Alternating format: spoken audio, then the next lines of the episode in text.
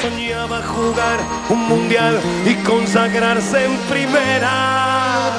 Tal vez jugando pudiera a su familia ayudar. ¡Grande Diego! Torque Lab. EAE Business School patrocina aquest espai. Si us heu fixat, estem intentant allargar el moment de parlar del partit d'ahir i tampoc serà motiu del Torquelab. Ricard Torquemada, bona tarda. Bona tarda. Dilluns que ve potser sí que tocarà fer balanç de les aportacions futbolístiques de la temporada, però ja que l'equip eh, sembla estar de vacances, anem a planificar nosaltres aquí al Torquelab també l'estiu i Avui et volíem preguntar, Ricard... Com m'agrada, eh, aquest clàssic de final de temporada. Ara és quan comencem a, a especular sobre el mercat que tant t'agrada. Exacte. Va, eh, avui hem pensat, el Ricard ens, ens il·luminarà i ens explicarà quines són les tres posicions que ha de reforçar el Barça de manera innegociable. De manera innegociable. Bé, tenint en compte que les que no són innegociables podrien dependre de les baixes, no? o sigui, hi ha, hi ha, hi ha posicions on segons quina baixa hi hagi probablement en seria una d'elles, però eh, crec que la pregunta no va enfocada per aquí, sinó que més enllà de les baixes, quines posicions. Bé, això és bastant, és bastant obert perquè també faré una mica de trampa, si us sembla bé, mm. perquè entenc que Christensen i Kessie ja hi són, per tant... Els pots no comptar, valdria... sí que no valdria dir un migcampista i un Una altra cosa és que els puguem inscriure, però els pots comptar. Exacte, però hi són i per tant ja, no, ja, ja compto en què, en què hi arribaran. Doncs per mi clarament els dos laterals i el nou serien els escollits. Bé, doncs ara parlàvem de, de Lewandowski, comencem pel, pel nou. Amb, amb Aubameyang no tirem, eh?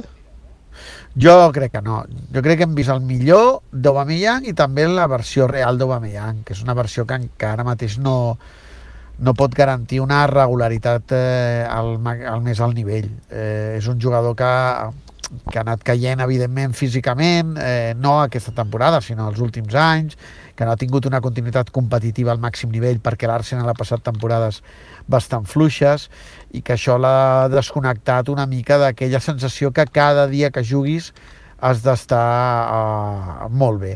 No? I per tant hem vist un tram de temporada molt bo d'Aubameyang, hem vist un tram de temporada correcte, sobretot des del punt de vista de, de la rematada, de la, del, del gol, d'allò que té natural, eh, i, que, i que això diríem que ha salvat alguns partits i després alguns altres on eh, s'ha ajuntat certa falta de participació, una falta fins i tot d'explosió en algunes situacions eh, al Camp Nou, per exemple, l'últim partit, eh, dies on no ha estat delicat eh, en la descàrrega. Bé, jo crec que és una, una gran alternativa, perquè és un jugador que ha, ha fet gols i la seva arribada va canviar, diríem, el panorama del Barça en la finalització, però que a 60 partits, a 10 mesos, eh, amb totes les competicions per davant, em sembla que ara no és el seu moment per ser, per ser l'opció A. De les opcions que t'ofereix el mercat, per tu Lewandowski és la, la idònia? Home, és la, jo crec que és la, la més fiable. Eh, jo crec que l'opció del nou és necessària perquè mentre vas fent obres a totes les habitacions, Eh, tenir un nou que et marqui diferències et permetrà també ser competitiu, no? perquè si no el procés... És a dir, et pot escurçar el procés des del punt de vista del rendiment. Eh? Eh, I com que les dues, els dos gots han d'estar plens, és a dir, l'equip ha d'anar creixent, però ja ho hem vist aquesta temporada, que si els dos gots no van a l'hora, eh, el Barça es desestabilitza, eh, eh, per tenir els dos gots plens tu has d'anar creixent, és inevitable o és, jo per mi, negociable per això estic una mica decebut d'aquesta recta final de temporada, però també has de mantenir-te a un bon nivell de competitiu, perquè és el que té l'equip a dalt, és el que t'augmenta la confiança, és el que et genera il·lusió per continuar creixent, és el que et fa sentir-te més a prop dels equips eh, dominadors, i clar, eh, un nou com Lewandowski, eh, als 34 anys, eh, jo crec que ja ho ha demostrat tot i que, i que el seu rendiment és bastant immediat, vull dir, és un futbolista que, que es pot adaptar perfectament al que vol Xavi, però a més, sobretot, eh, et pot marcar les diferències eh, mentre altres jugadors creixen al seu voltant, com per exemple Ansu o mentre Aubameyang espera el seu moment eh, com a segon davanter. Clar, aquí el que passa que, dic jo, eh, a diferència d'altres posicions, o vas a un top-top Eh. o, o no cal. Eh, ho dic Sí. sí. perquè ara parlaves de Lukaku, que em sembla un davantaràs, però potser el fitxes i li has d'explicar tot això del tercer home i totes aquestes coses. Sí, sí, sí. I potser no et val la pena tenint el que, el que ja tens. Ho comparteixo, sí, sí. Eh, crec que és una mica arriscat anar a buscar una segona línia, sigui Lukaku, sigui Lautaro, eh, siguin jugadors d'aquest perfil, que, que podrien ser una bona opció, però que pel moment que viu el Barça eh, no és un moment d'aventures. Eh, tens Aubameyang, que és una opció eh, alternativa, però necessites un jugador indiscutible que marqui les diferències. Holland era una evidència que potser per una qüestió d'edat i de projecció podia ser el candidat número 1, encara que presentava algun dubte sobre l'adaptació a un context col·lectiu, que ara serà el repte de Guardiola al City, eh, però si no és ell, jo crec que Lewandowski és un altre futbolista que compleix amb aquests eh, requisits. Eh, ha jugat un futbol semblant al que o ha, o ha desenvolupat un rol semblant al que li pot demanar Xavi, ha tingut Guardiola com a entrenador, eh, és un nou molt clàssic, que domina perfectament eh, el joc d'esquena a porteria, que, que és un eh, futbolista que té el, gol al cap, que té la porteria eh, diríem que mesurada al detall, que té les dues cames, que va bé per dalt, eh, bé, jo crec que és un jugador indiscutible i estic d'acord amb tu, Jordi, que tal com està el Barça, si no és un jugador eh, que marqui diferències, eh, potser m'esperaria abans de córrer el risc d'una aventura. I eh, dintre d'aquestes tres posicions innegociables ho has tingut molt clar, els dos laterals. En aquest cas, creus que el Barça ha de fitxar dos laterals titulars? Eh, mira, a la- dreta clara, clarament i a l'esquerra eh, algú que pugui disputar el, eh, el lloc a Jordi Alba. Dic disputar el, joc, el, el lloc al Jordi, a Jordi Alba perquè Jordi Alba té una part del seu manual que és difícil d'igualar i que l'equip li dona molt. El que és evident és que per mi Jordi Alba no pot tenir tant pes en el joc com està tenint aquesta part de temporada amb Xavi a la banqueta. Però entenc que si l'equip es reforça amb més posicions, eh, Jordi Alba passarà a tenir un altre rol a l'equip. Eh, I crec que ha d'haver-hi un jugador que finalment li pugui plantejar eh, dubtes sobre qui ha de ser el titular.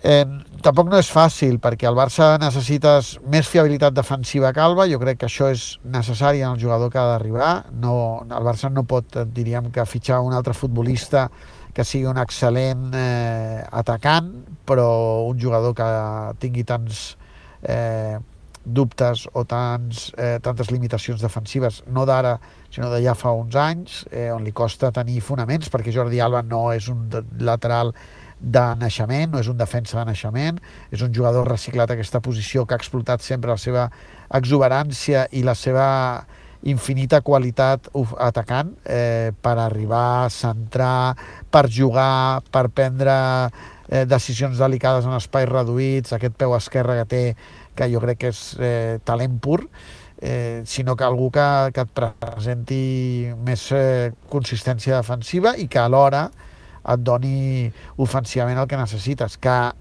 jo crec que Xavi també s'ha de definir, i havíem parlat en algun Torquelab, si els laterals que han de venir han de ser laterals que puguin jugar per dintre eh, i per fora, o jugadors que siguin laterals més clàssics, perquè ara quan, per exemple, es parla de Marcos Alonso, jo crec que Marcos Alonso és un jugador que per dintre pot jugar poc, eh, que és un jugador molt, molt, molt exterior, tan exterior que tinc algun dubte fins i tot amb la línia de 4.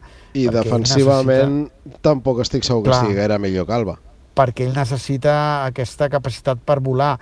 Clar. Eh, com diu el Jordi, si tens tres centrals al darrere eh, has de ser més, menys rigorós defensivament eh, i, i si jugues amb línia de 4 ho has de ser més. Eh, clar, també cal marcar molt el, el retrat del lateral que vol Xavi eh, a cada banda, però vaja, eh, jo crec que són dos llocs on ja fa temporades que el Barça busca i no troba. No troba ni el suplent d'Alba, i quan dic el suplent d'Alba dic algú que li pugui disputar la titularitat, Mm. ni el titular a la dreta. Després de... Vaja, ha quedat clar quines són les teves tres posicions Sí. eh, innegociables. si el Barça aconsegueix anem a suposar que aconsegueix fitxar Lewandowski i aquests dos laterals, un que pugui disputar la, la titularitat a Jordi Alba i un bon lateral dret. Uh -huh. Amb això el Barça, després del que li has vist aquesta temporada, podria lluitar pels títols? Mira, quan dius els títols, eh, jo crec que el Barça, ni amb aquests fitxatges ni amb d'altres, en principi la Champions és ara, Ja. ara l'abast. Eh, jo crec que des del... Anem a suposar des la Lliga. Sí, des del realisme, la Champions ha de ser un objectiu al qual, com a mínim, sí, això sí, has de competir i has de començar a tornar a aparèixer als quarts de final i a les semifinals, que és tornar a aparèixer a la foto. I quan hagis aconseguit tornar a aparèixer a la foto, ataques la Champions. Per una qüestió històrica i de naturalesa del Barça, necessita que el procés sigui, tingui recorregut. No és un equip com el Madrid que s'hi senti comodís, comodíssim en aquest cara ho creu i que no necessita eh, que va més enllà la seva, el seu rendiment en les eliminatòries europees del seu procés vital. Eh? No, no té res a veure. El Barça és una altra cosa. Per tant, jo la Champions el que pretendria és, és millorar el que has fet a les dues últimes temporades, intentar arribar a quarts de final i tenir la sensació que escurces distàncies amb els grans rivals. A partir d'aquí, home, doncs si la cosa va molt bé, ja fantàstic, eh? Obrirem les portes. Però crec que no hauria d'estar en les previsions més realistes. Eh, jo crec que la Lliga i les competicions domèstiques, sí, sí, sí, uh -huh. jo crec que el Barça ha de poder-les competir. Bé, doncs eh, la petició de Ricard Torquemada per la pròxima temporada, dos laterals i un nou, amb tres fitxatges Xavi no en tindrà prou, però no és un mal inici eh, de cara a millorar el que li hem vist aquesta temporada. Ricard, moltes gràcies. Adéu a vosaltres.